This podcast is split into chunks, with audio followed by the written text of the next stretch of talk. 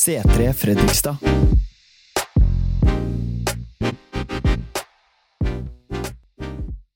Ja, hun vil ha meg i søkelyset, så. Det er det det er. Så jeg vil være litt sånn opphøyd i dag. Er, eh, så ser jeg av sedvane, vet du, så fyller vi opp bakfra. Så da tenkte jeg at da skulle jeg egentlig komme Dere blir ikke kvitt meg, så da hadde jeg bare flytta nærmere.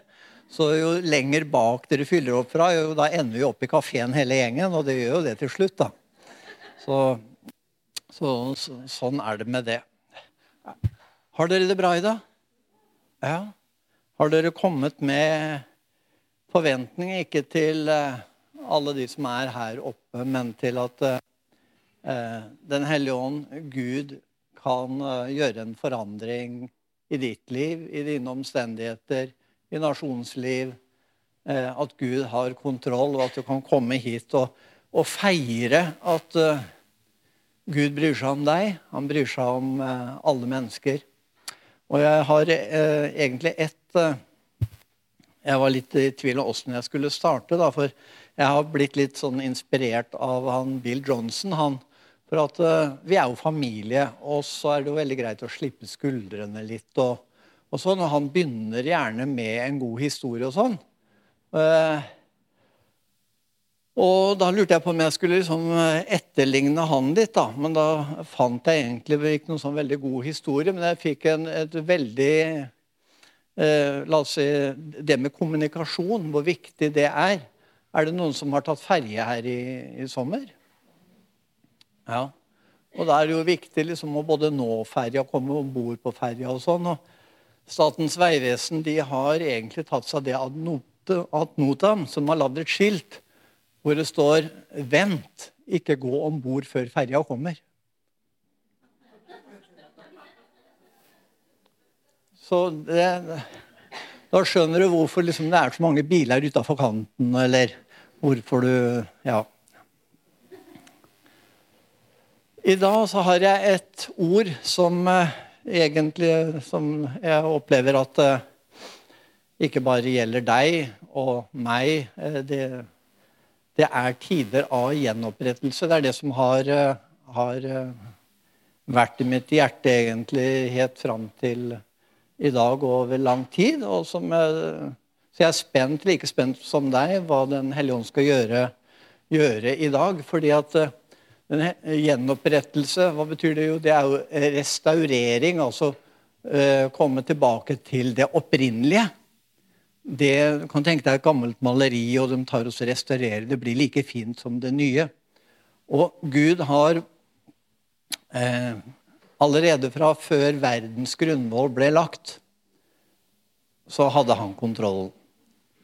Du vet, I første Mosebok så, eh, så sa han det at eh, La oss gjøre mennesket i vårt bilde, sa han. Og Gud skapte mennesket i sitt bilde. Til mann og kvinne skapte han den. Det var på den sjette dagen. Og så litt senere står det at eh, og så ba han om at de skulle eh, la inn i dem da, at de skulle herske, råde og regjere over denne jorda. Så hvis du lurer på hvor den kreativiteten din kommer fra, hvor den skapertrangen kommer fra, eh, hvor den eh, intelligensen kommer fra, så gå tilbake til utgangspunktet.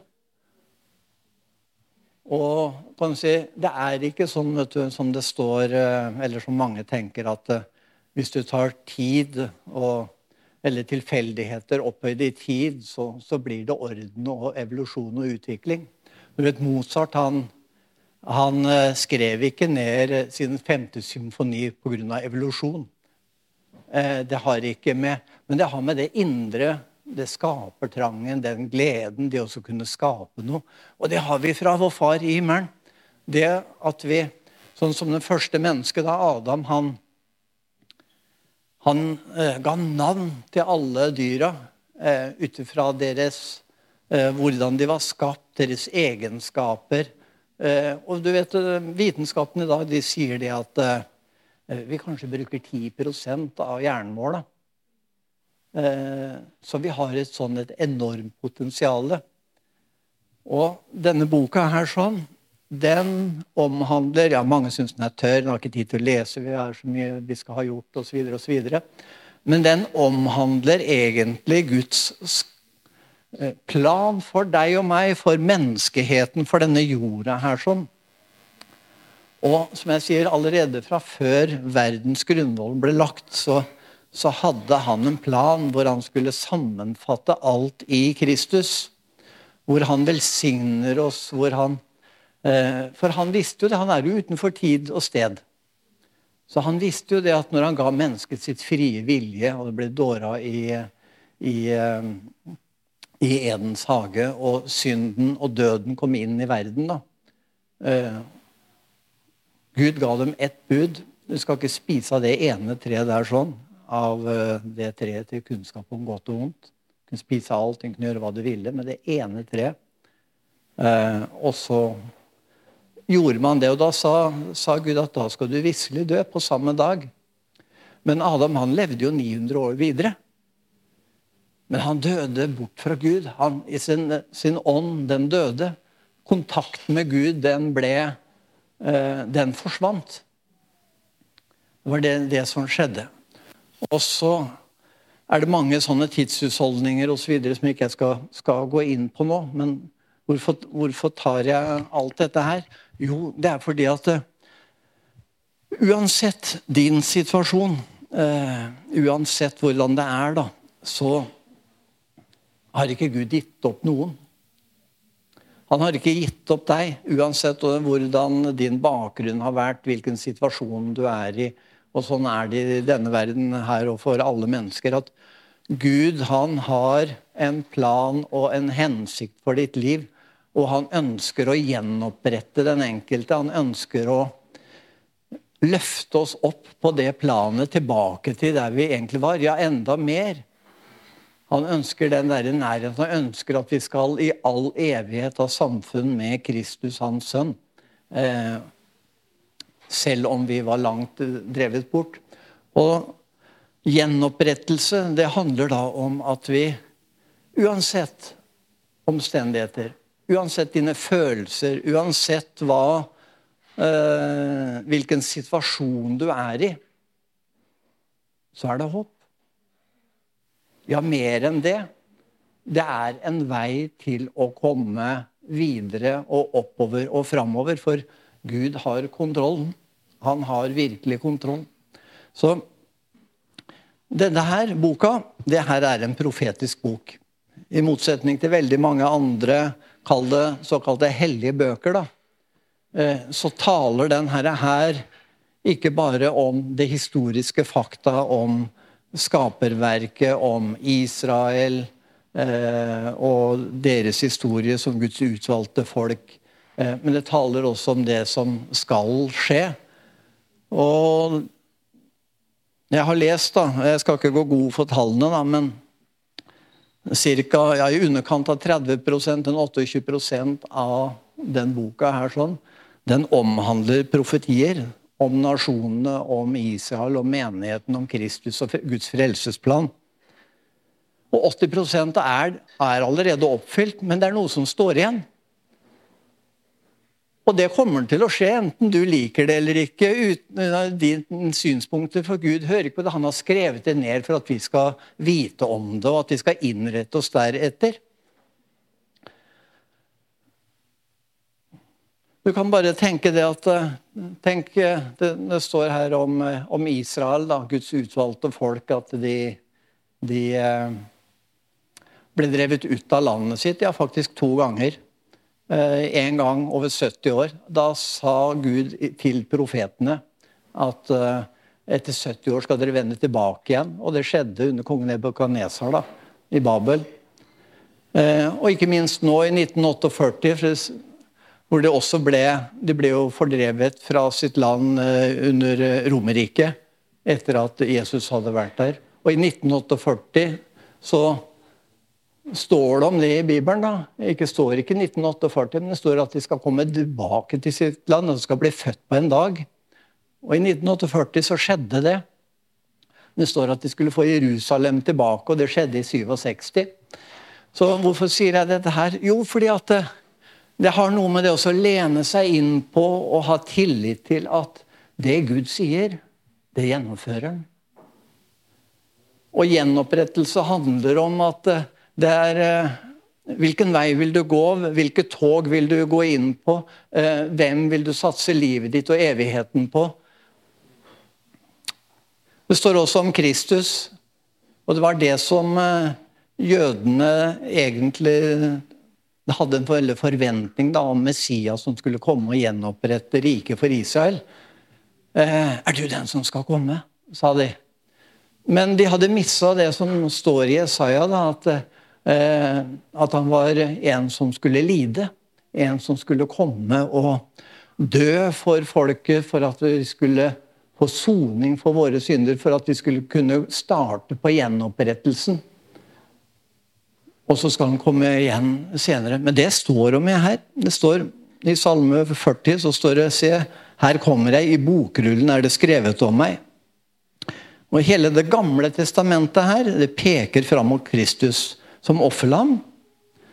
Som sagt, som jeg sa i Jesaja, Jesaja 53 Jeg skal ikke slå opp alt det her. Da måtte vi ha hatt eh, minst eh, holdt på å si eh, uke, tror jeg. Sånn, vi må ha sånn bibelseminar. Eh, det skal vi, skal vi, ikke ha nå. Men bare gå tilbake, se Nehemja, Jeremia, Jesaja i krønikebøkene, Daniel, Joel osv. Det peker fram mot det. Det står i Joel om Den hellige ånd som skulle komme. da. At en gang skal jeg øse utover min ånd over alle mennesker. Deres sønner og døtre skal profetere, de gamle skal drømme drømmer, og unge skal ha syn. Og til og med over trellkvinner og treller skal jeg utøse av min ånd. Og Jesus selv sa, «Øh, men talsmannen Hellige Ånd, som Far skal sende i mitt navn, skal, jeg lære dere, skal lære dere alt og minne dere om alt jeg har sagt dere. Og det skjedde på pinsedagen. Da pinsedagen kom, var alle samla på et sted. Plutselig lød det fra himmelen ved kraftig vind som blåser og lyden fylte hele huset hvor de satt. Tunger som av ild viste seg over dem. De delte seg og satte seg på hver enkelt av dem. Da ble de alle fylt av Den hellige ånd, og de begynte å tale på andre språk ettersom ånden ga dem å forkynne. Og bare det, vet du, I Jerusalem så var det masse forskjellige nasjonaliteter. Når de gikk ut, så forsto alle hva de sa. Ulike tunger. Hvor de forkynte Herrens komme.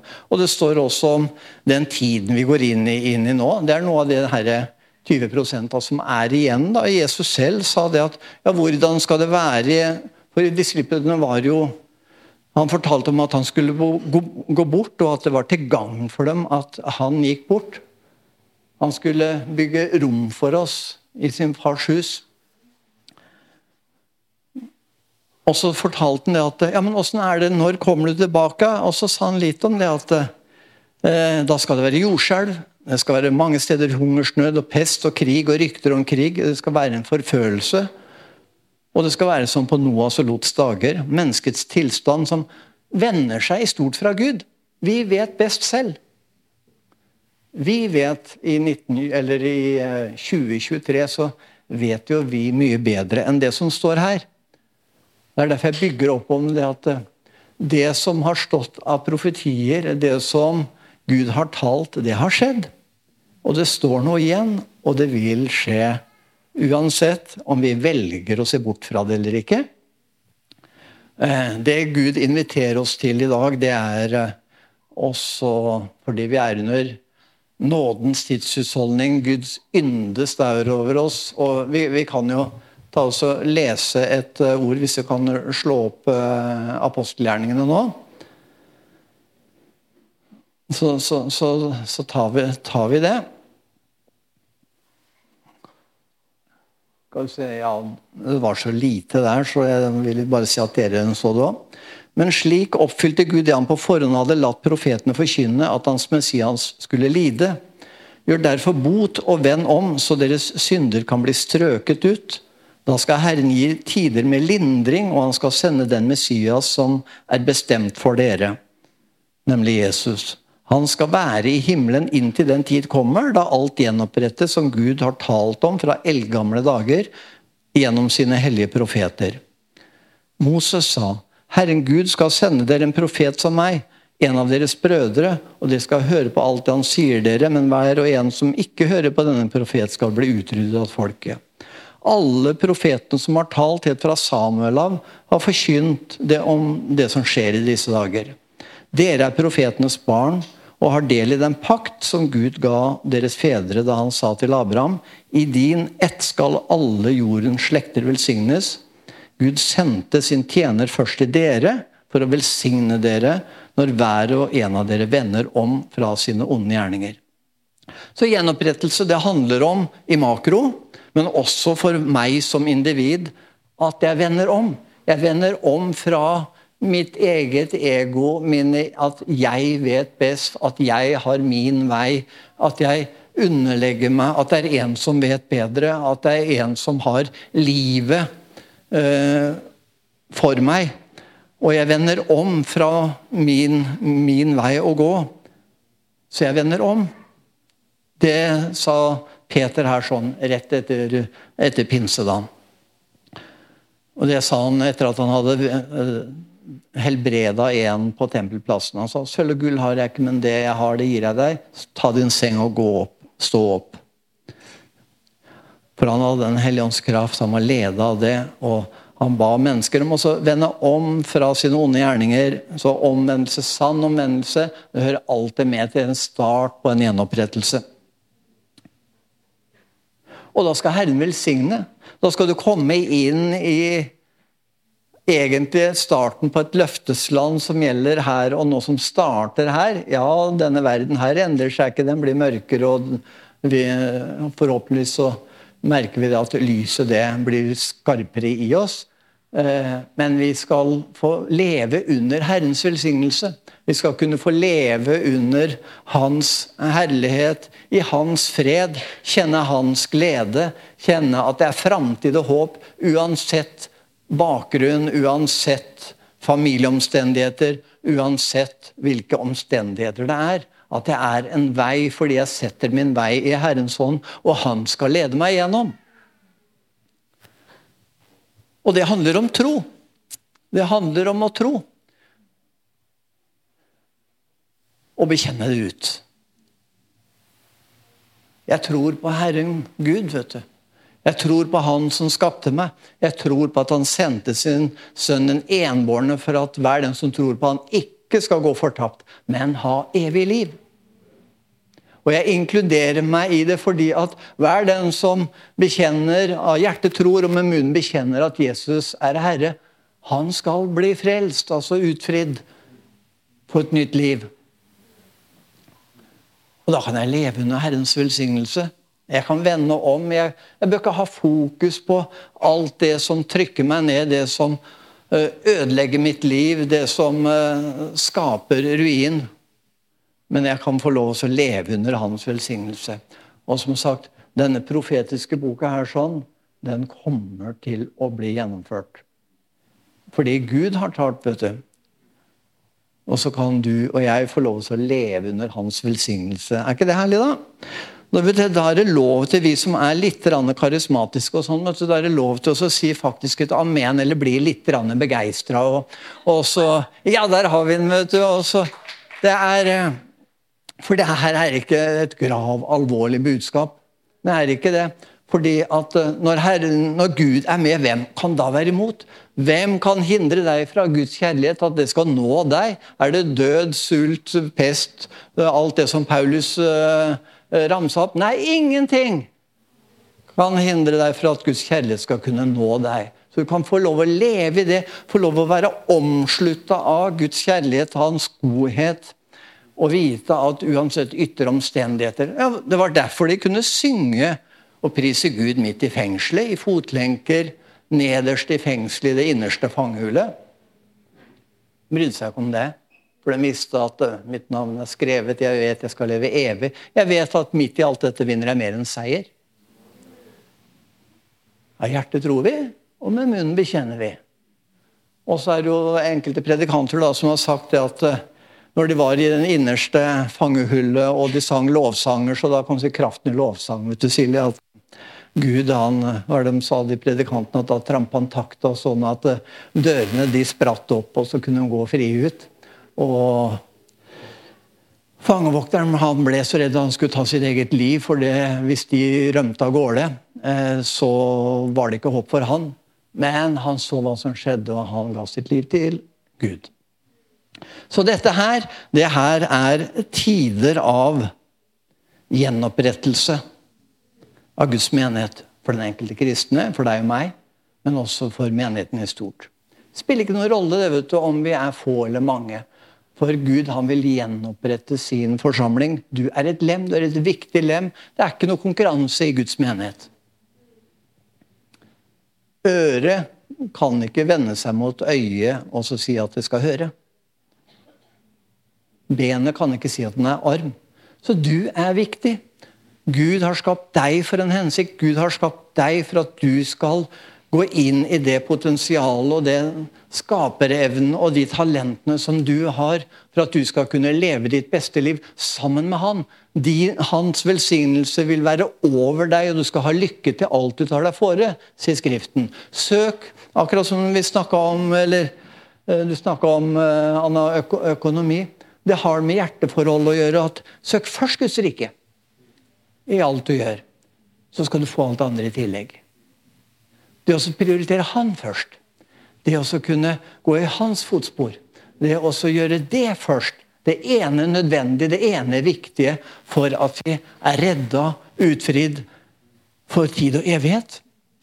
Så har han omsorg for deg. skjønner du. Han har omsorg for oss som har tatt sin tilflukt til han. Hans frelse er aldri langt borte. Og Da kjenner du at det blir en strøm på innsida at Den hellige ånd han hjelper deg. Det levendegjør ordet, og så er det over midt i det innerste fangehullet. For han fører deg og meg igjennom. Han fører sin kirke sammen til et liv. Det er ikke bare ritualer, det er ikke bare liturgi. Hvorfor kom du hit i dag? Jo, det er for at den hellige ånd skal komme for å virke deg. At det jeg taler ut, det, det, skaper noe i ditt indre, sånn at du går forvandla ut herfra. At du, du, kjenner at det her var mat for min sjel, det her var såkorn jeg kan bygge på. Det her er eh, et sennepsfrø som kan vokse opp i mitt indre, og som jeg kan, gå på videre. Og Har du ikke tro for det, så kan du begynne å be over det, du kan begynne å lese over det, og så blir det virkelig for deg. Og så, og så vil du si at veien skapes mens du går.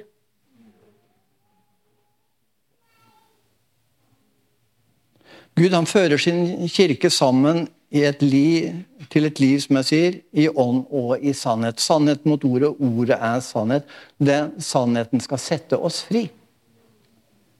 Da bør du ikke lure. vet du. Du bør ikke gå rundt og være forvirra på alt mulig. For det her er Ordet er sannhet. Og Han fører sin kirke nå eh, sammen til et liv som er leda av Den hellige ånd. Den hellige ånd bor på troen, ved troen i ditt indre. Det å lytte til hans røst, det å lese i Bibelen Det står at ordet det er et lys for den stien, altså livsvandringen, hvor du går, og det er en lykte for din fot. Så ved å søke Han i din situasjon, enten det er i jobbsammenheng, det er i familie, det er i ekteskap, det er i ulike vanskelige situasjoner, om du er urettferdig behandla, det å søke Guds rike først, det å søke Hans veiledning først, det å leve i Den hellige ånd. Derfor handler det ikke først og fremst om bare være på et søndagsmøte, det handler om et liv. Det handler om å leve med Jesus i hverdagen, det er å leve ut det gudslivet og bli lik den du omgås. Du blir lik din ektefelle. Du, vi smelter sammen, vi sliper sammen. og Sånn er det også med Gud. at Du blir slipa, du kjenner at han tar skikkelse i deg. Og du blir mer lik han. Du begynner å tenke som han, du ser han, du ser ting som han. Og du vil høre hans røst, og du vil gå rett.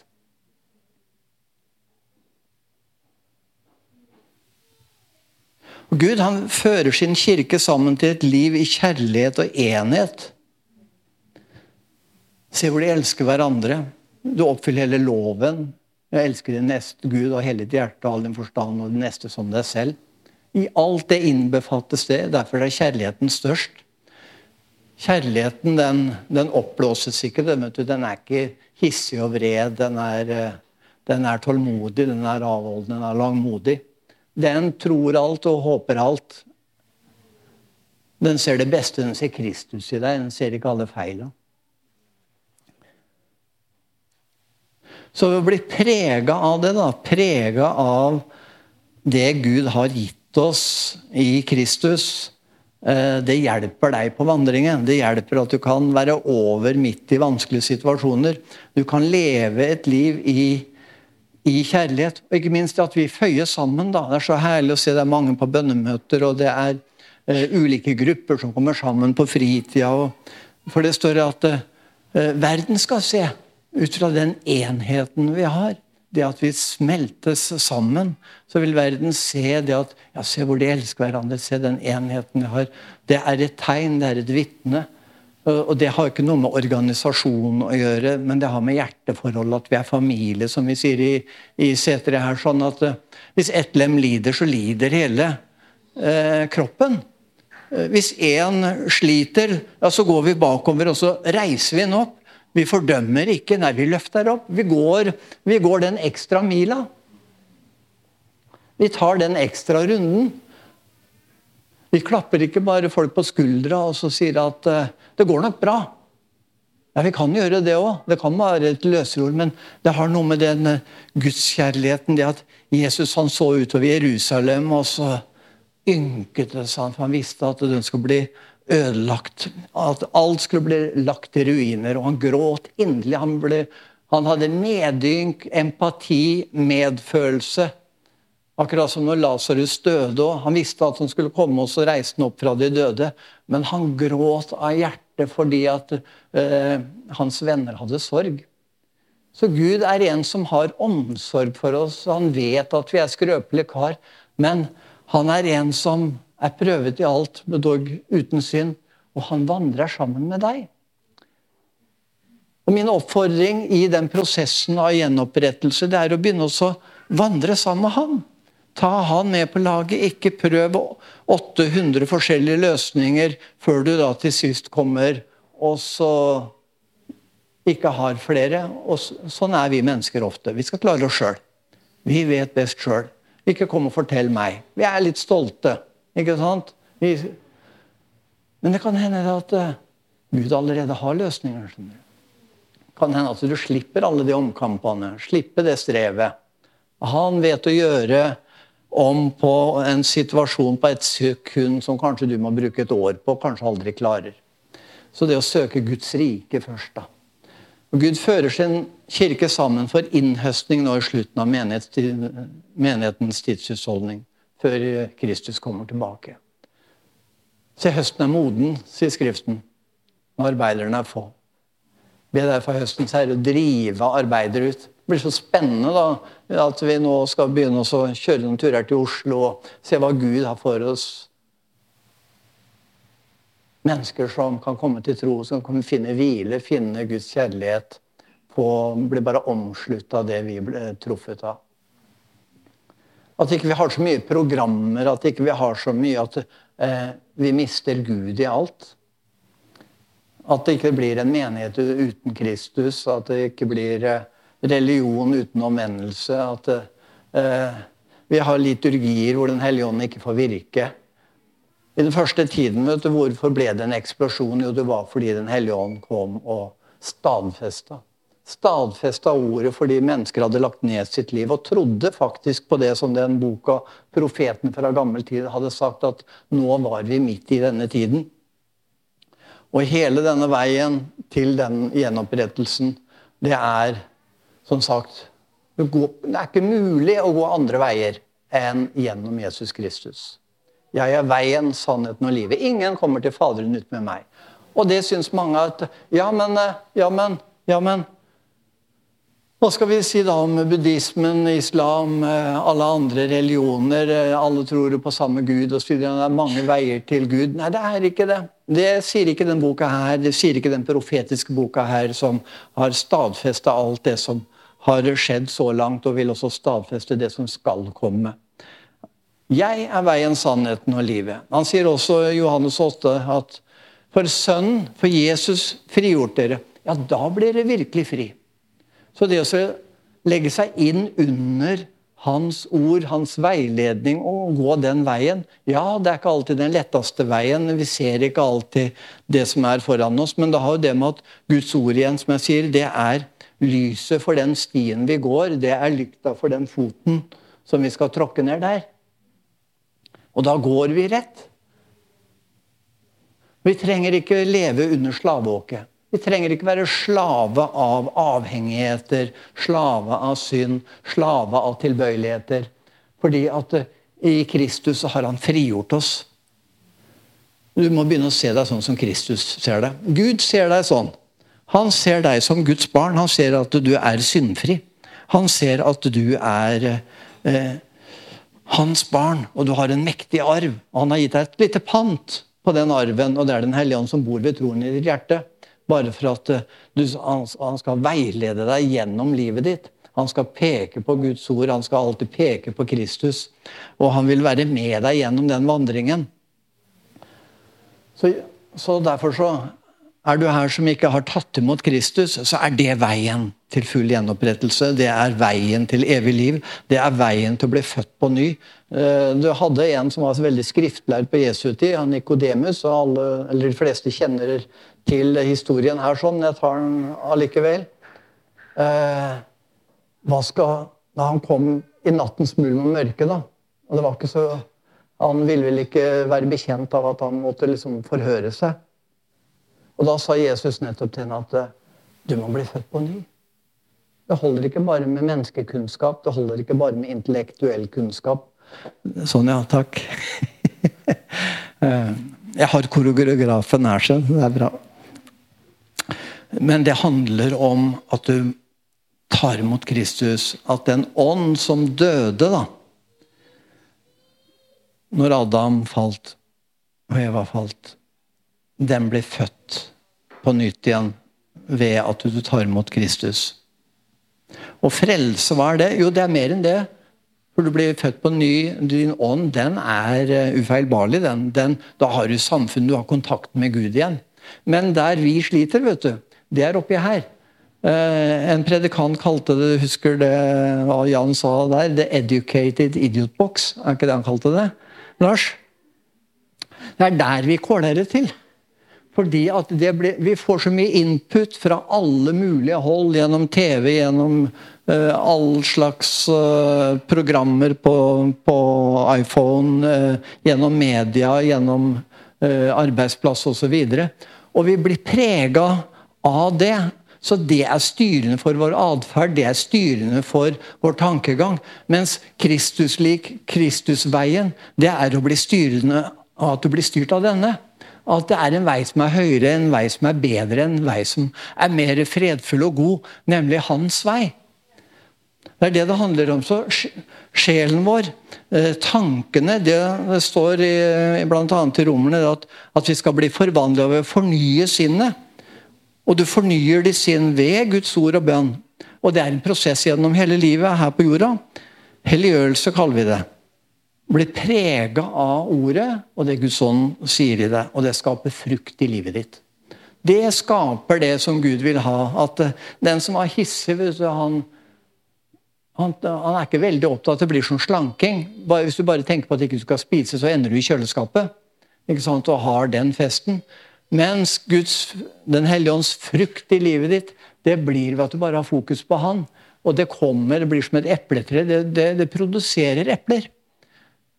Når du har, lar uh, ditt liv og din tanke bli prega av Guds ord, så produserer det Kristuslikhet. Det produserer der hvor det var stolthet, så blir det ydmykhet. Der hvor det var hissighet, så blir det langmodighet. Eh, det er ikke noe du tar deg sammen for å få til, for det er helt umulig. Men det kommer bare som en prosess av oss å vandre sammen med han. Og da kjenner du at du faktisk er over i enhver situasjon. Husker du Åge Åleskjær sa det at eh, Du vet eh, vi er, Når folk døper seg, da du død med Kristus. Det gamle mennesket er dødt. Det står at vi skal korsfeste kjødet vårt. Og et, et dødt menneske reagerer ikke om det blir tråkka på eller døtta til eller sagt noe negativt til. Da, det, da, du er død fra det. Du bryr deg ikke om det, for du vet så mye bedre. Det blir som Eh, da jeg vokste opp, så de som hadde amerikanere de brydde seg ikke om å bevise at deres bil var bedre. De bare cruisa rundt når de så, det, så folkevognboblene ile rundt dem.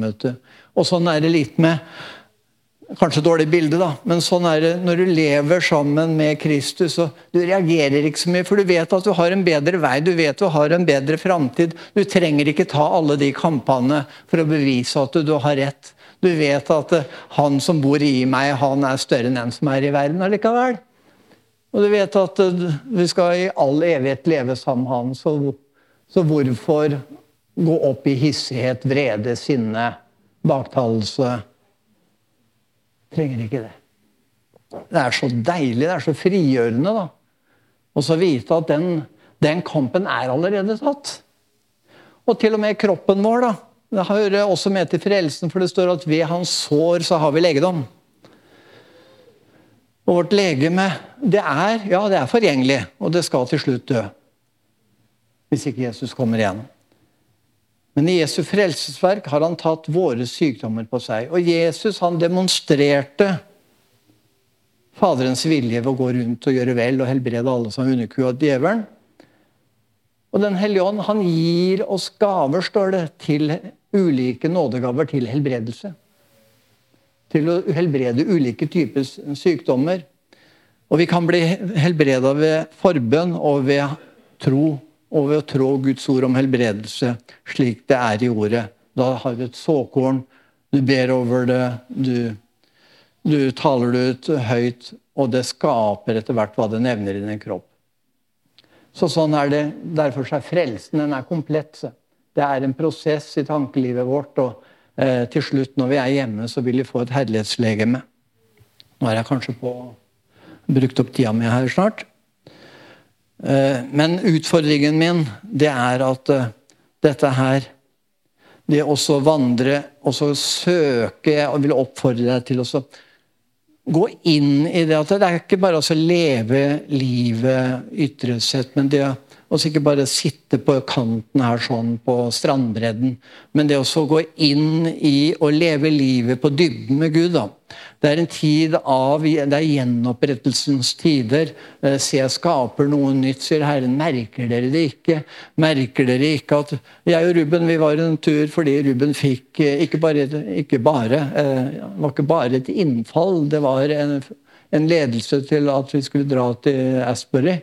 Eh, på den vekkelsen som var der, og det spredde seg utover, utover eh, universitetene i USA. Eh, I stort så er kanskje ikke det så mye, men for oss så fikk vi også en øyeåpner, for vi besøkte en menighet i Nashville om hvordan Gud hadde leda de til at mennesker måtte komme ut i frihet da, gjennom å bli utfridd fra det som var, de var undertrykt av. Det er bare ett element. Men det er altså hele det spekteret av både gaver Den hellige ånd vil gi deg og meg, for å, ikke for at vi skal flashe med det, men fordi at det er til for den andre. Fordi at eh, den andre er syk og kanskje ikke har tro for at den skal kunne bli helbreda, så, så kan jeg si som Peter at sølv og gull har jeg ikke, men eh, det jeg har, det gir jeg deg. Ta din seng og stå opp og gå. Eller Jesus som bare gnidde eh, jord i øya på den som ikke hadde øyer, og så ba han vaske seg, og så, så skapte det var et skapende mirakel. Den hellige ånd han gir oss gaver. En profetisk gave. Det kan være kunnskapsord som kanskje løser en situasjon på mennesker som har vært undertrykt lenge. Hvorfor ikke da begynne å bestemme seg nå for at ja, i hvert fall den sesongen jeg går inn i nå resten av mitt liv, da vil jeg søke ordet og ånden. Jeg vil leve i det. Jeg vil gå inn fra å ikke bare vasse på strandbredden, men gå tusen alen videre. Og så vil jeg gå videre nedover, og så vil jeg svømme i dette her. For det er sånne dybder. Jeg kan hjelpe så mange, ikke jeg i meg, men Den hellige ånd i meg, fordi at eh, gavene som han gir Han gir noen til det. Kan vel alle det, kan vel alle det, sier sier Skriften. Nei, men sammen. Det er derfor du ikke skal holde deg borte fra menigheten. Det er derfor vi trenger deg. Vi trenger alle lemmene fordi at vi utfyller hverandre. Vi blir en levende menighet, og vi blir Guds kropp. Han er hodet, og han taler, og så, så vil det skje fordi at du er til. Du som ser, da. Du vet hvor vi skal gå. Du som hører. Du hører. Og vi er ulike lemmer, og derfor så trenger vi hverandre. Og vi trenger de ulike gavene i menigheten. Og så vil vi merke det at der du før kanskje blir skikkelig slått ut, da, nedtrykt og deprimert, så vil du merke at noe i deg reiser seg fordi at eh, ordet skaper hva det nevner i ditt indre. Så det som trøkka deg ned før, det trøkker ikke lenger deg ned, men du kan bare tale det midt imot. Du tar den tanken til fange og sier at nei, det gjelder ikke meg. Fordi det er under korset, det er under blodet. Jeg er en ny skapning. Det gamle det er forbi. Se, alt er nytt for meg. Jeg vandrer sammen med Gud. Jeg er beskytta av Han, jeg er omslutta av Han. Jeg er hellig og feilfri. Betyr, at vi ikke, betyr ikke at vi ikke synder, men det er også under blodet. For så kraftig var det Jesus gjorde, at han tok all syn fra det som har vært, er og vil bli. Hvis vi av hjertet tror, munnen bekjenner, og bekjenner også og omvender oss fra den vandringen og den synden vi, som henger fast ved oss. Får vi dusja og vaska oss vekk, og så kan vi leve i frihet, herlighet og glede. Åh, det er så mye mer jeg skulle sagt, da. For Gud har gitt oss nøkler her, skjønner du. Så dra det sammen helt til slutt, da. Det står i Efeseren om å ta på Guds fulle rustning. og så kan vi lese, jeg hadde hørt det før og videre. Men det er det at En ting er å vite det med hodet, men la det smelte sammen med troen i hjertet og begynne også å gå på det, så skal du se det blir en virkelighet i livet ditt. At du skal bli en som forvandler situasjonen rundt deg. Der det var depresjon, så blir det glede. Der det var motløshet, der blir det håp der det ikke var framtid og håp, så, så, blir det nettopp det.